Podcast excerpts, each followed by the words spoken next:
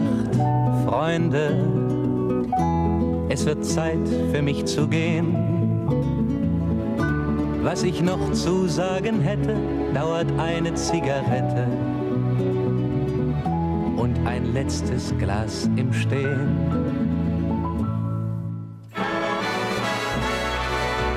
Dit is Het Beste uit het Oog. De wekelijkse podcast van NOS met het oog op morgen. Buiten is het 24 graden. Binnen zit Mieke van der Wij. Welkom bij de podcast. Laten we eerst even teruggaan naar maandagavond. Toen presentator Koen Verbraak nog snel even een wereldrecord vestigde. Buiten is het 17 graden. Binnen zit Koen Verbraak. Ruud de Wild presenteert morgen op Wereldmilieudag zijn middagshow vanuit het voormalige haaienbassin in de dierentuin in Emmen. Hij denkt daarmee het wereldrecord te vestigen van het eerste radioprogramma dat onder water gepresenteerd wordt. Nou, dan heeft hij zich er mooi verkeken op ons van het oog. Want wat gaan we tot 12 uur allemaal doen? Leefbaar Rotterdam kreeg de meeste stemmen tijdens de gemeenteraadsverkiezingen. Maar de Rotterdamse coalitie gaat verder zonder de partij van Joost Eertmans. Met de kleinst mogelijke meerderheid willen nu zes partijen samen gaan proberen de stad te besturen. Zonder Leefbaar Rotterdam. Hoe democratisch is dat eigenlijk? En morgen is het vijf jaar geleden dat de Britse krant The Guardian het eerste artikel publiceerde dat gebaseerd was op de onthullingen van Edward Snowden. De voormalige CIA-medewerker die onthulde dat de Amerikaanse veiligheidsdienst de NRC miljoenen burgers aftapte. De vraag is, hoe zal de geschiedenis straks over deze Snowden oordelen?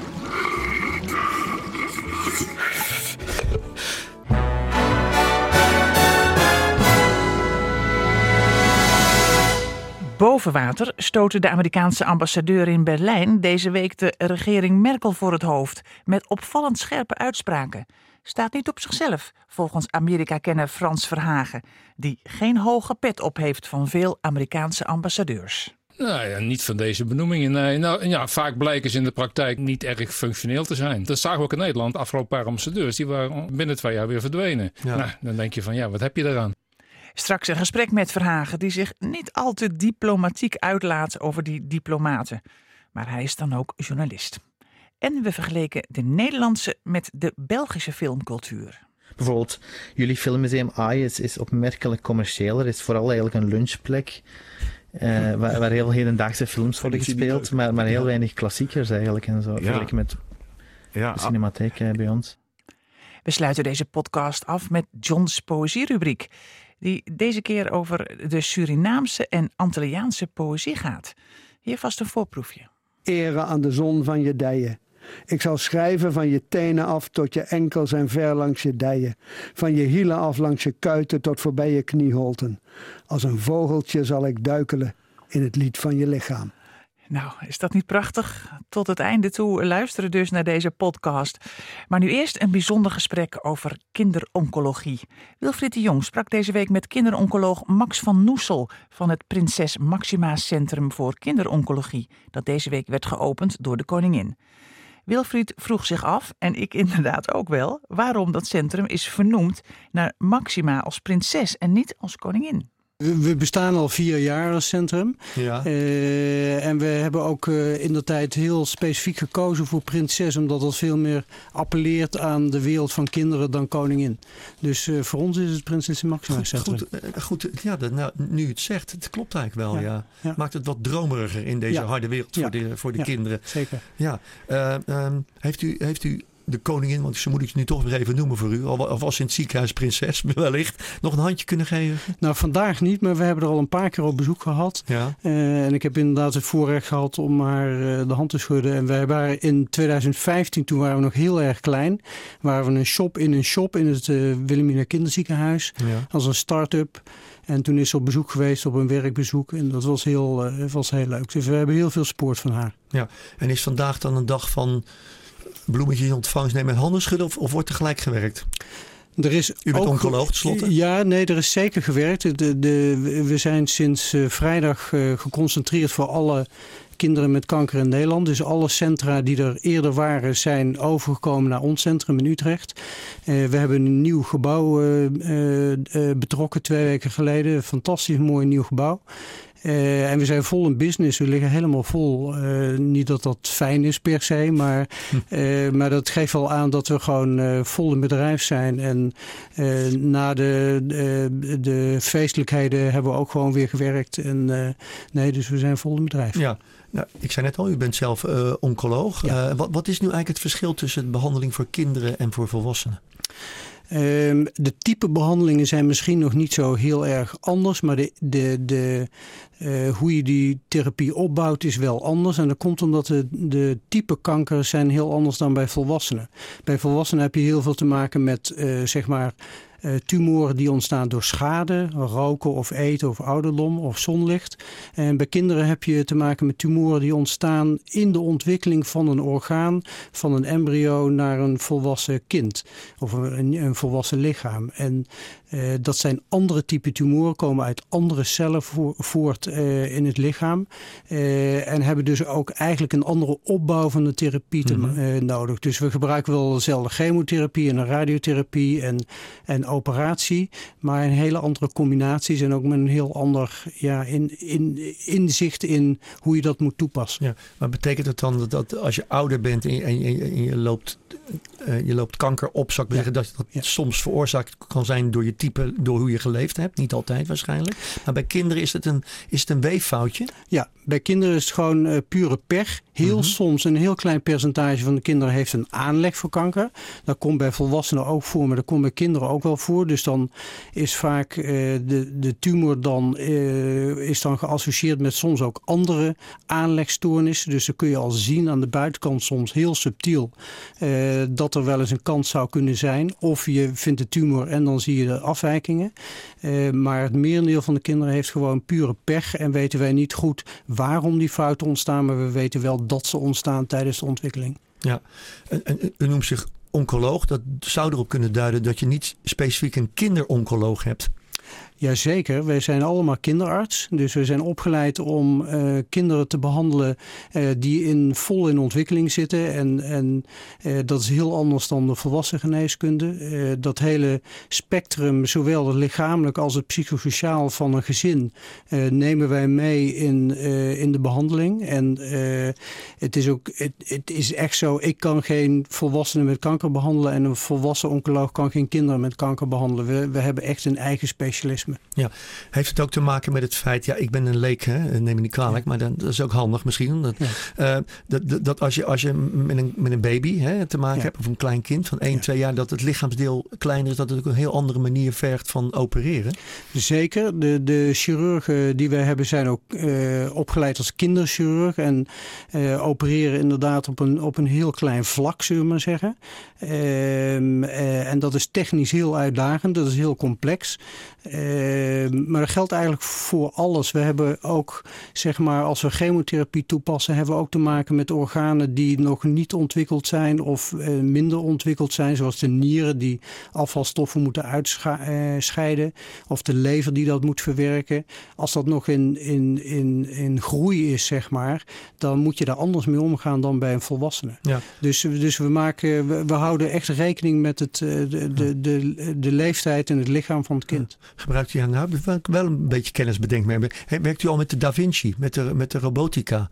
Zeg maar op afstand als het ware opereert. Dat het kind zeg maar door ja, ja we, we, we, kijken steeds meer naar uh, andere technieken, ook voor opereren inderdaad. Uh, we zouden, uh, kijk, robotica zoals bijvoorbeeld bij de prostaatcarcinoom bij de volwassenen, dat doen we nog niet. Mm -hmm. Maar we opereren wel bijvoorbeeld scopisch, dus met alleen maar een kijkoperatie. daar worden ook hele complexe operaties verricht. We proberen te ontwikkelen dat we veel beter kunnen zien met bijvoorbeeld fluorescentie in de tumor. om te kijken van hebben we nou eigenlijk alles wel weggenomen. Ja. Dat zijn allemaal wel velden van ontwikkeling waar we, waar we actief zijn. Ja, ja, ik heb een keer mogen kijken in zo'n nieuw apparaat, zo'n ja. Da Vinci apparaat. En kon je ook 3D kijken en ja. zo. Ja. En hoe werkt het nou? Aan de ene kant heb je dus een lichamelijk aspect, maar je hebt ook het aspect dat je gewoon met de kinderen te maken hebt. Ja, soms kunnen ze nog ineens spreken, soms wel. Er zijn de ouders erbij. Ja. Hoe, ga, hoe gaat u met die kinderen om? Wat vertelt u ze? Uh, nou, dat ligt heel erg aan de, aan de leeftijd. En we, we, we laten het eigenlijk. Uh, we, we, nou, we hadden het er vanavond nog over. We hebben een, een, een, natuurlijk ook een beetje een feestje gehad. We hebben met elkaar nagepraat. Mm -hmm. En we hebben het erover gehad van. Ja, eigenlijk loop je met zo'n kind mee. Je, je, je probeert uit te vinden van in welke uh, gedachten zit het kind, wat begrijpt hij van zijn ziekte. Uh, en, en daar probeer je op aan te sluiten. Dus bij een volwassene kun je een heel direct gesprek uh, voeren van dit is er aan de hand en, en, dit zijn de vooruitzichten. En bij een kind probeer je dat een beetje uit te zoeken ja. aan de hand van de reactie bij het kind. En dat is anders per leeftijd. Dus hele jonge kinderen, uh, daar kun je misschien niks mee communiceren. Dan doe je dat via de ouders. Iets oudere kinderen, dan probeer je dat uit te zoeken. Maar dan zit er bij kinderen vaak een, een, een soort uh, realiteit en, en fantasie loopt door elkaar. Dus ze kunnen aan de ene kant begrijpen dat ze doodgaan. Aan de andere kant zeggen, uh, ik word later ook dokter. Uh, en bij, bij pubers en jongvolwassenen is dat vaak een hele rauwe emotie mm -hmm. en heel direct. Maar hoe ver gaat u dan als, als, als als een kind vrij laconiek lijkt te ogen na de, na de opmerking dat, dat misschien doodgaat, ja. kun je het er zo maar zeggen opnieuw in gaan wrijven. Je kunt denken, nou, ja. als, dit de, als dit de perceptie van het kind is, laat het maar zo. Of is dat, zou dat dom zijn? Uh, nee, dat is, uh, ik denk dat je altijd moet, uh, het kind het tempo moet laten bepalen van, van wat er gaat gebeuren. Je moet eerlijk zijn op het moment dat er een vraag komt. En dat zijn soms fragmenten van een gesprek waarin kinderen laten blijken dat ze weten waar we het over hebben. En uh, dat zijn de momenten waar je op als ouder of als dokter ook zeg maar dat, dat, dat die, die magie rond zo'n zo'n boodschap kunt wegnemen door even connectie te maken. Door te zeggen van ja, dat zou wel eens kunnen. Als het dan bijvoorbeeld gaat over sterven. Um, uh, en die, die momenten moet je gebruiken om die connectie te maken. Kinderen praten niet eindeloos. Die, je kunt zien dat ze de boodschap binnen hebben, maar gaan dan weer iets anders doen. Die gaan spelen. Die gaan Vaak. weer spelen, ja. En, Ja. en volwassenen willen eindeloos praten, maar dat willen Ja. kinderen niet. Ja, fijn hè, kinderen soms toch? Nou, het is heel, eh, het is heel helder. Eh, je hoeft het ook geen twee keer uit te leggen. Het is, eh, het, het is, je kunt zien dat ze het begrijpen. Als ze erover willen praten, dan krijg je een, een, een vraag over. Die is dan ook to the point. Eh, en verder kunnen we het gewoon over het dagelijkse leven hebben. Ja.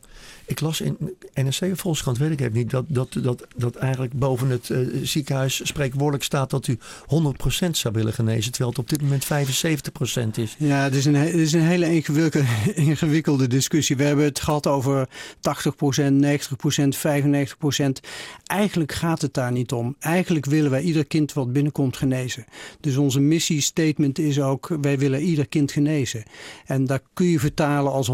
En dan gaan er mensen roepen, ja, maar dat is onhaalbaar. Ja. Eh, maar daar gaat het eigenlijk helemaal niet om. Het gaat om de intentie dat je ieder kind wil genezen.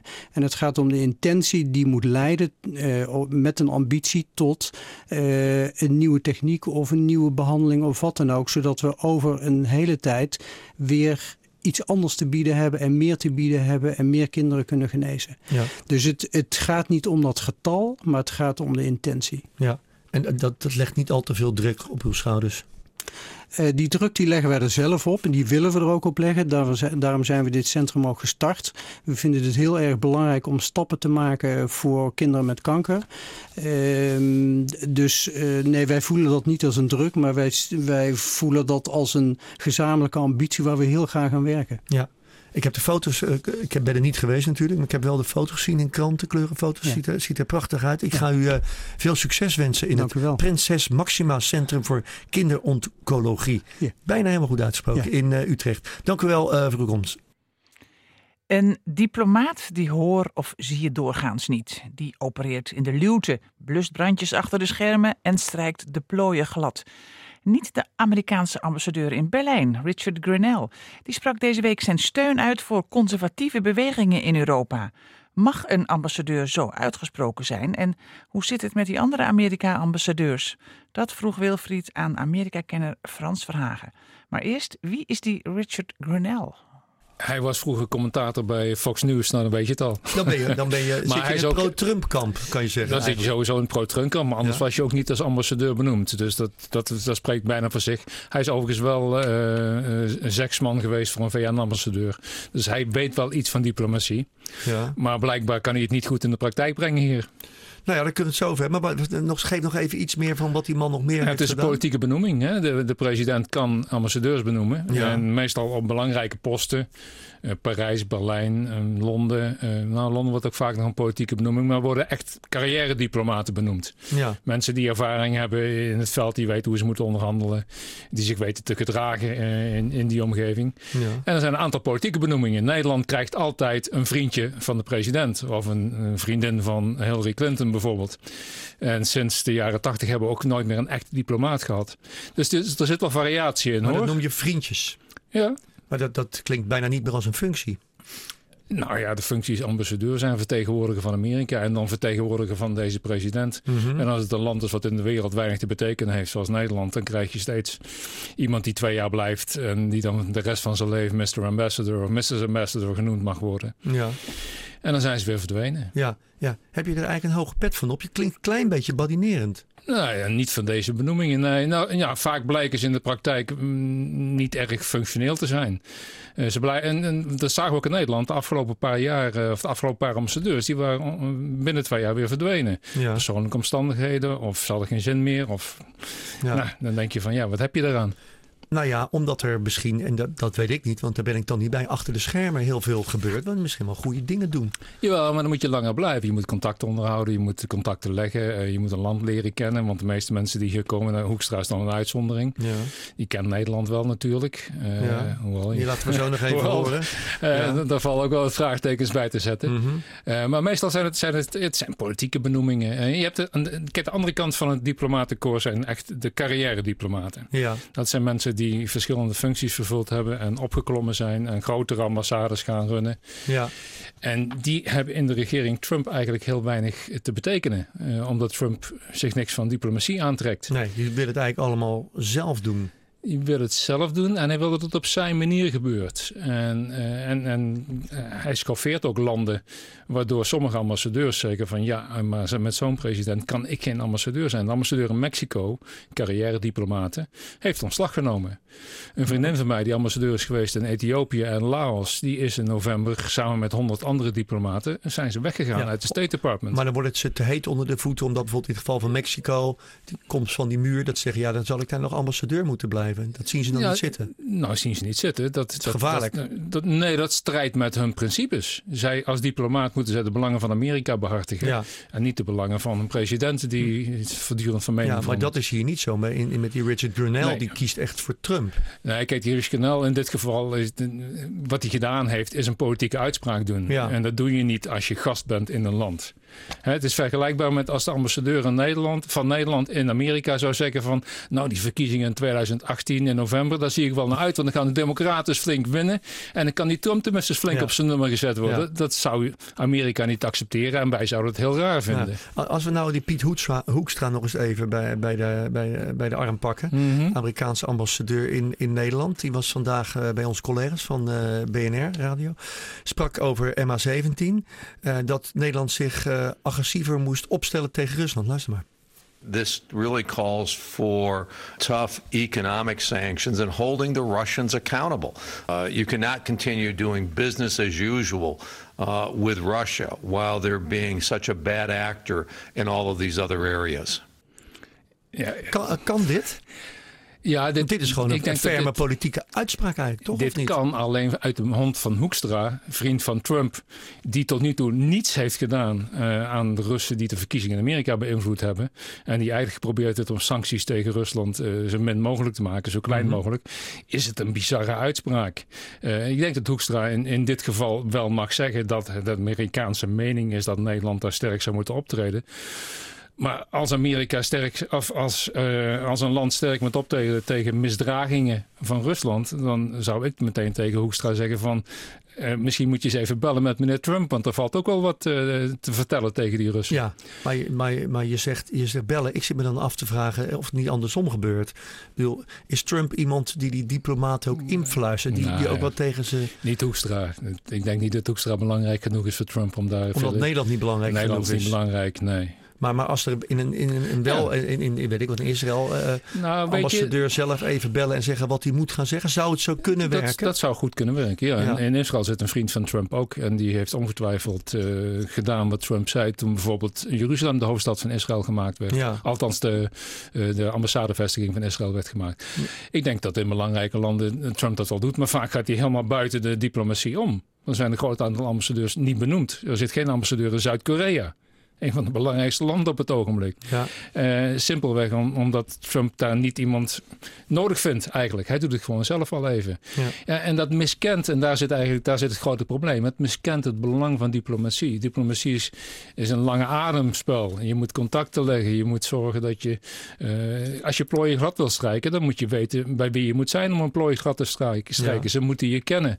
En dan moet je eh, ervaring in hebben opgedaan. Dus echt die diplomaten wegjagen, wat Trump en Tillerson, hè, de, voormalige minister van Buitenlandse Zaken, wat die gedaan hebben, ja, dat, dat is uh, enorm kapitaalverlies. Ja, maar is dit, is dit een trend die vanuit Amerika komt? Of zie je dit, ik weet niet of je de hele wereld goed volgt, maar zie je dit verder ook in andere landen ook gebeuren? Dat, dat, dat diplomaten steeds meer een zegje gaan doen? In plaats van stil te blijven en diplomatiek te handelen? Nee, nee, dat zie ik niet. Nee. Uh, nee, dat heeft vooral met die politieke benoemingen te maken. Uh, en, en, als je daar inderdaad iemand neerzet van Fox News uh, en je zegt van jij moet, de Trump, jij moet Trump vertegenwoordigen en niet Amerika vertegenwoordigen, dan krijg je dit soort excessen. En kijk, en Duitsland kan natuurlijk ook niet accepteren dat een ambassadeur van een bevriend land gaat vertellen dat eigenlijk de oppositie maar aan de regering zou moeten komen. Want wat, wat er nou regeert stelt ook niks voor. Dat is, dat is links en er is volk heeft ja. zich daartegen gekeerd. Ja. ja, dat kan toch niet? Nee, en, en, en hoe hoe hebben ze in Duitsland gereageerd? Wat zijn ja, de eerste reacties? natuurlijk. Ja. Uh, het probleem is natuurlijk dat aan deze man heb je ook niks meer.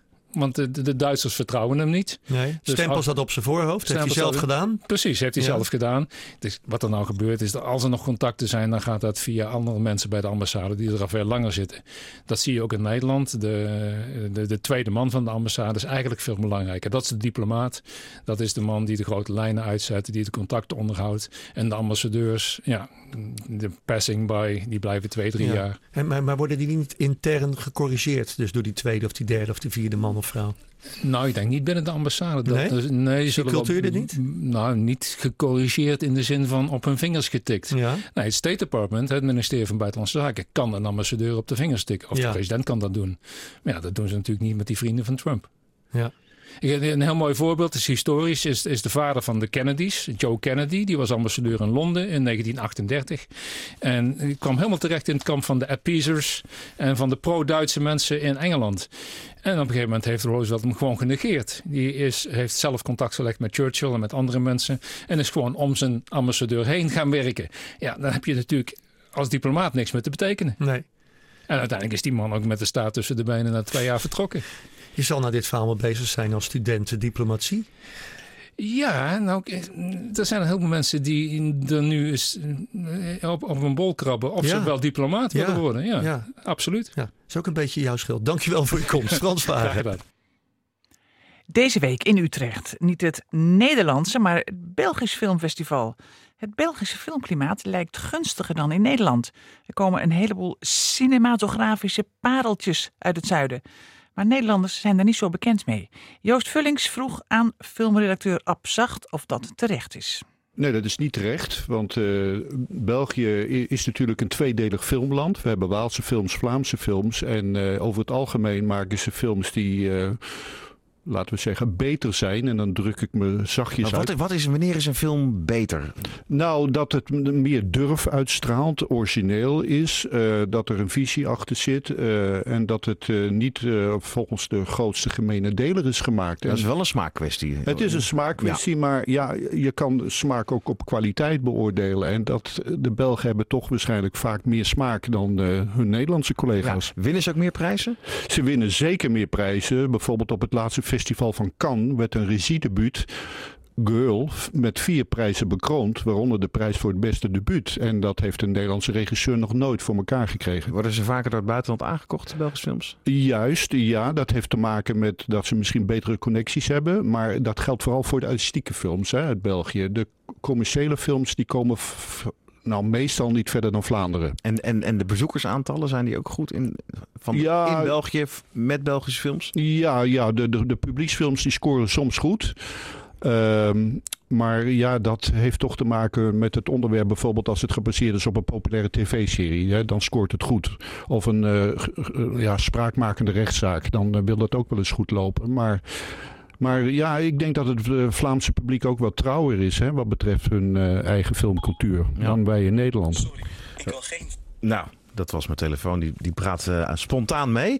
Eh, goed, wat, zou- noem eens een, een, een film die echt succesvol is geweest in België. Eh, in België? Ja. Nou, dat Of is internationaal, ja. Nou, de film Loft, dat is een raar verhaal. Dat was een film, een, een thriller, ehm, die in België echt geweldig scoorde, maar in Nederland nooit de bioscoop heeft gehaald. Want wij hebben gewoon een eigen versie van Loft gemaakt.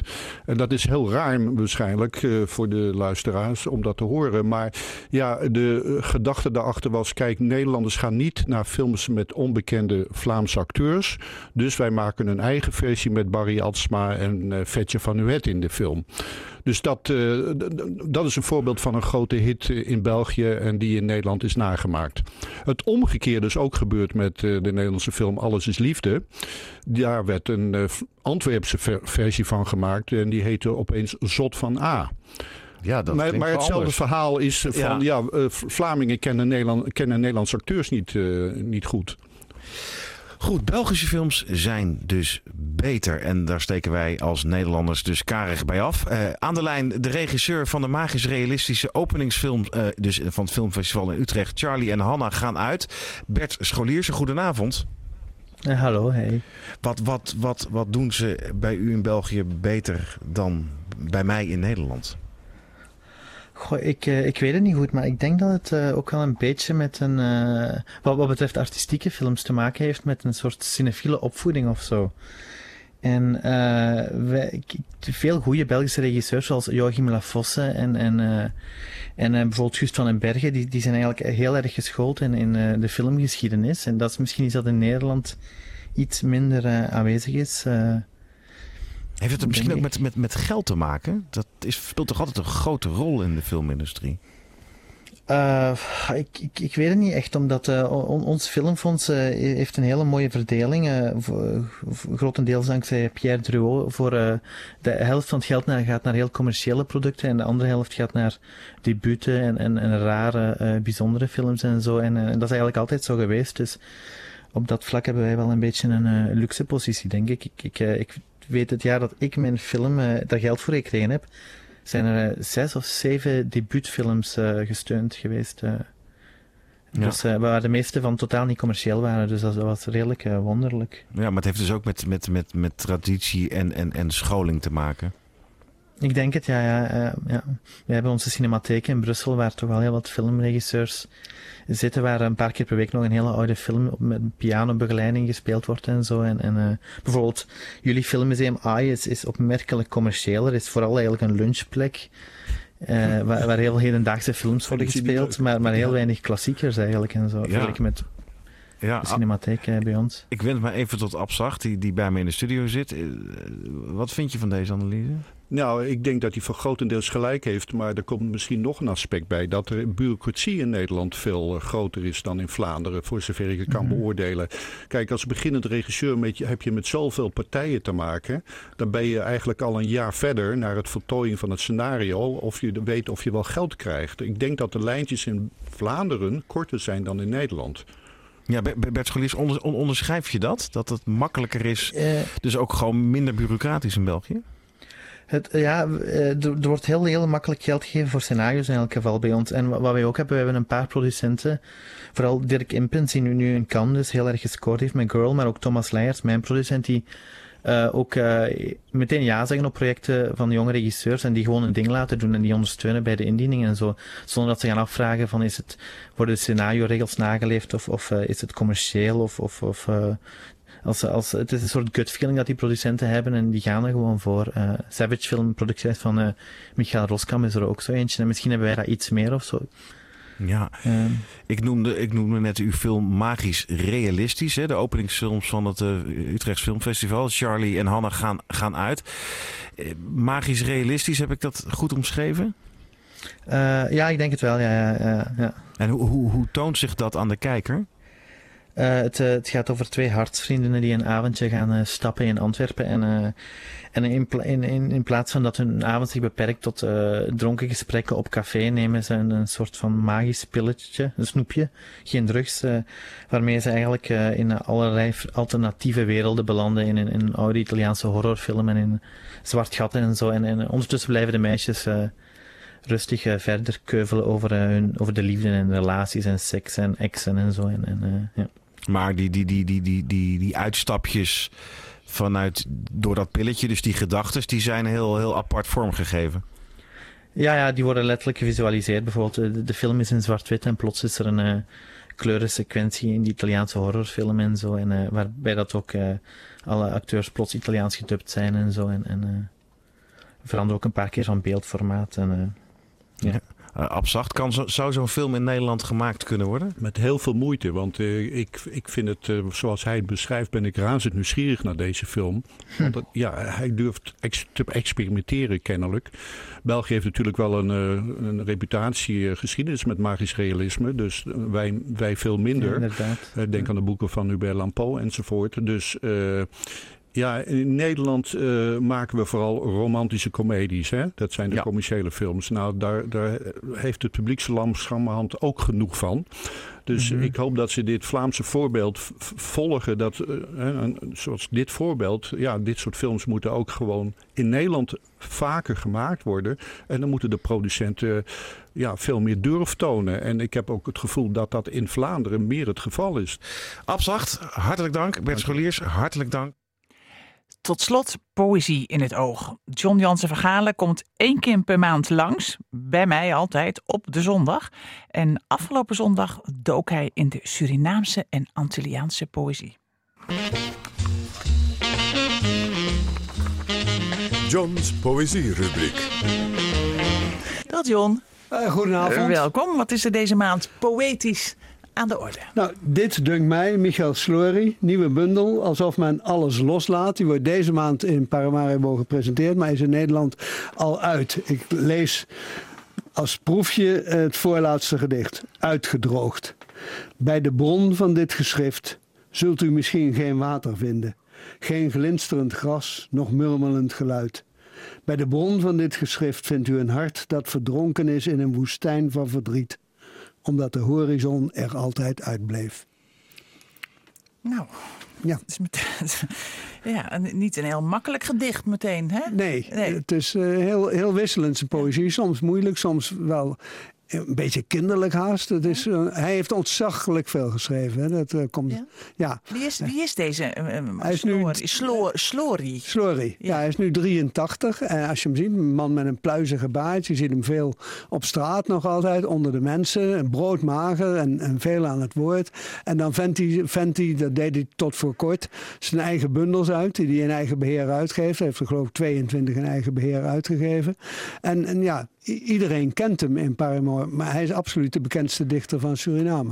En hij schreef jarenlang, vandaar ook dat maak, maakwerk, eens in de maand een groot gedicht, eens in de week een gedicht in de, in de krant, in de ware tijd. Ja, en je hebt hem wel eens gesproken? Ja, en dat valt niet mee, want hij is een, hij is een woordenstroom. Dat, dat, er wordt geen punt uitgesproken. Het gaat over, altijd over zijn worsteling met het Tongo, dat die, ja, de, de Surinaamse taal die hij meer bevorderd had willen zien en die in de steek is gelaten door de machthebbers. En het eindigt altijd met een litanie dat hij nooit een vrouw heeft kunnen vinden. Ach, ja. Uh, Staan Tongo, uh, daarin drukt u zich het beste uit? Uh. Ja, het beste. Het unieke aan hem is, hij dicht in vier talen. Nederlands, Engels, Spaans en Sran Tongo. En, en, en kenners zeggen, maar dat kan ik niet beoordelen, want ik ken de taal onvoldoende, dat hij in Sran Tongo echt onovertroffen is in de, in de klankrijkdom, de woordkeuze. Die die, en dat komt misschien omdat hij niet uit de stad komt oorspronkelijk, waar die taal natuurlijk een beetje verbasterd en vermoderniseerd is. Maar uit het uh, kokospalmendistrict uh, Coroni. Dat is echt het diepe platteland, het hart van het Sranantongo. En daarom ja, kan, die die taal het, kan die zich in die taal het best uitdrukken. Ja. Vind je het een goede dichter? Nou, dat zei ik al. Het is ontzettend wisselend. Af en toe tref ik weer een gedicht aan dat ik denk is prachtig, verrassend, teder, lyrisch. En soms denk ik ook, ja, dat ligt wel erg uh, voor de hand. Ik zal, ik zal nog een gedicht voorlezen. Uh, dat heet Negervrouw. Mag hij zeggen, omdat hij zelf zwart is. Negervrouw. Glorie van de dag, twee zwarte ogen en donkere haren. Negervrouw. Wat heeft jou gebracht in deze warme straten van de stad? Ere aan de zon van je dijen. Ik zal schrijven van je tenen af tot je enkels en ver langs je dijen. Van je hielen af langs je kuiten tot voorbij je knieholten. Als een vogeltje zal ik duikelen in het lied van je lichaam. Nou, als dat nog geen lyriek is, dan uh, ja, weet ik het niet Een heel erotisch gedicht, hè, ja, John? een absoluut erotisch Want gedicht. Want jij zei net dat hij nooit een, een, een, vrouw heeft kunnen vinden, maar hij heeft zich er wel mee bezig gehouden. Hij heeft zich er ontzaglijk mee bezig gehouden, ja. Maar dit, dit, komt ook niet uit die nieuwe bundel. Okay. Hoor. Dit komt uit, uit Grenzeloos. Dat is een bundel die moet nog verschijnen. Sterker nog, die had al twee jaar geleden moeten verschijnen, want het is de jubileumbundel van de uitgeverij In de Knipscheren. Die is opgericht in 1976. En daar die hebben ontzettend veel gedaan voor die uh, Surinaamse en Antilliaanse poëzie. En die nieuwe bundel weerspiegelt dat ook. De oprichter Jos Knipscheer die zag het Nederlands als één taalgebied. En in die nieuwe bundel zie je ook gedichten van Nederlanders, Hubeurskens en andere dwars door uh, Antilliaanse en Surinaamse schrijvers staan. Hè. Er komt Slory, Edgar Cairo, Boelie mm. van Leeuwen, Srinivasi, Frank Martinez Arion, die staan daar allemaal in. En ook bijvoorbeeld Astrid Roemer. Ja, Edgar Cairo, die ken ik nog wel, die woonde vroeger bij mij op de studentenflat. Ja. En die, die dicht nog weer in een andere taal, de Surinaamse variant van het ja, Nederlands. dat weet ik. Die liep altijd met een, een open badjas door, door de gang. Ja, hij dacht op het laatst ook dat hij Christus was. Dat is een beetje treurig afgelopen. Ja, dat is, dat is zo. Maar goed, daar heb ik meteen een beeld bij. Maar die oprichter Jos Knip Knipscheer van die, van die uitgeverij, daar heeft Astrid Roemer dus een mooi gedicht ja. aan opgedragen. Dat heet Memorabel. Schrijf, zei je. Laat desnoods jouw nachtmerries draven over het papier. Troost je met de schoonheid van hun wervelende beelden. Raak bevrucht, zei je. Open je lijf voor het zaad van het woord. Jij moet het blanke vel met verhalen vullen. Maak de wonden die de ervaring je staat, slaat tot merktekens van wijsheid. Houd hoe dan ook de leegte in toom. Niemand zegent je.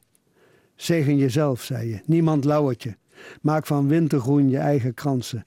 Twijfel wordt nooit drukinkt. Twijfel niet, zei je. Leef op de scherpe sneden van het vel en bouw jouw kastelen tussen de regels in de herfst, zei je. Ja, dat was Jos Knipscheer. Die is jong overleden en de uitgeverij wordt sindsdien voortgezet door uh, zijn broer Frank. Ja, maar dit, dit, gedicht, dit was van Astrid Roemer. Dat, dat was van Astrid Roemer, ja. Nou ja, ja, ze hebben heel veel beroemde schrijvers in hun fonds gehad. Astrid Roemer, ja. Ja. Alfred Bernie, Herman uh, Brusselmans, Tommy Wieringa, Adriaan van Dis. Mm -hmm. En nu het tragiek voor deze kleine uitgeverij is dat al die mensen zijn beroemd geworden, hebben prijzen gewonnen. Meestal net nadat ze weg waren bij in de knipscheer. En dat is natuurlijk een beetje treurig. Daar hadden ze had zo'n kleine uitgeverij van kunnen profiteren. Maar dat gebeurt dan niet. En die Frank Knipscheer zegt... ach ja, de molens draaien bij mij nou een eenmaal een beetje langzaam. En daarom zijn ze weggegaan. En dat van het langzaam draaien kun je wel zeggen... als de jubileumuitgave al twee jaar na dato pas verschijnt. Maar die is nog steeds niet verschenen dus? Nee, die komt deze zomer. Dat oh, weet dat ik nu wel bijna zeker. Ja, uh, ja, uh, heb je nog een, een laatste gedeelte? Ik ben mijn laatste blaadje kwijt, uh, Oh ja, nee, dus ik wou nog zeggen wat het verschil is tussen? Nederlandse en Caribische poëzie. Okay, dat heb ik aan ja. die samensteller van uh, Grenzeloos gevraagd, Klaas de Groot. En die zegt, valt hem op dat Caribische poëzie altijd grofweg natuurlijker is, minder gemaakt, minder geforceerd en in ieder geval altijd mooier om te horen. Zeker als het gaat om gedichten in papiaments of het Sranantongo. Uh, wij, wij, hij en ik verstaan dat niet, maar het klinkt in ieder geval heel muzikaal altijd. Ja. Wat, uh, waar ga je uh, mee eindigen? Ik eindig met een gedicht met wat veel insiders het beste gedicht van Slory noemen. Ja. Uit de bundel Ik zal zingen om de zon te laten opkomen in de wei in de wei. Zal het een vredeslied zijn, wit, dat opwiekt als een witte reiger? Zal het een vredeslied zijn? Vlak voor het voorhoofd van een paard sprong hij op onder de late schemering. Vlak voor het voorhoofd van een paard. Zal het een vredeslied zijn, dat zich wendt en keert vlak voor uw hart en uw gezicht? Voorbij de laatste slag, voorbij de laatste stap. En nu voor goed, voor vriendschap. Tja. Het is zelfs jammer dat je het niet in Sranantongo kan, uh, kan op... Uh, want dan zou ik ook wel eens willen horen hoe dat klinkt. Het zou kunnen proberen. Heb je het bij je? Ja, natuurlijk. Um, nou ja, we hebben nog, we hebben nog een, een halve minuut. Dus, uh... Dat gaat over de emancipatie, de bevrijding uit de slavernij. Peu kotifaya pasaso na ini na brek, brektenson. Yulanga Japon srefi no benkan tapu. Ma scrivi marki tude fanno di ete. Dus dat is hoe je in schittering langs, hoe je in schittering langs sleet in de blakende middagzon. Dat kon je zelfs je lange japon niet verbergen. Maar doen letters er nog wat aan toe? Nou, zo zie je maar weer dat als je je blaadje kwijt bent en je verzint zomaar een vraag, dat daar iets fantastisch uitkomt. Tenminste, ik vond het prachtig om dat te horen. John Jansen van Galen. En hij besloot de podcast met het beste uit het oog. Volgende week zaterdag, dan ben ik er weer. Tot dan, dag. Gute Nacht, Freunde. Es wird Zeit für mich zu gehen. Was ich noch zu sagen hätte, dauert eine Zigarette und ein letztes Glas im Stehen.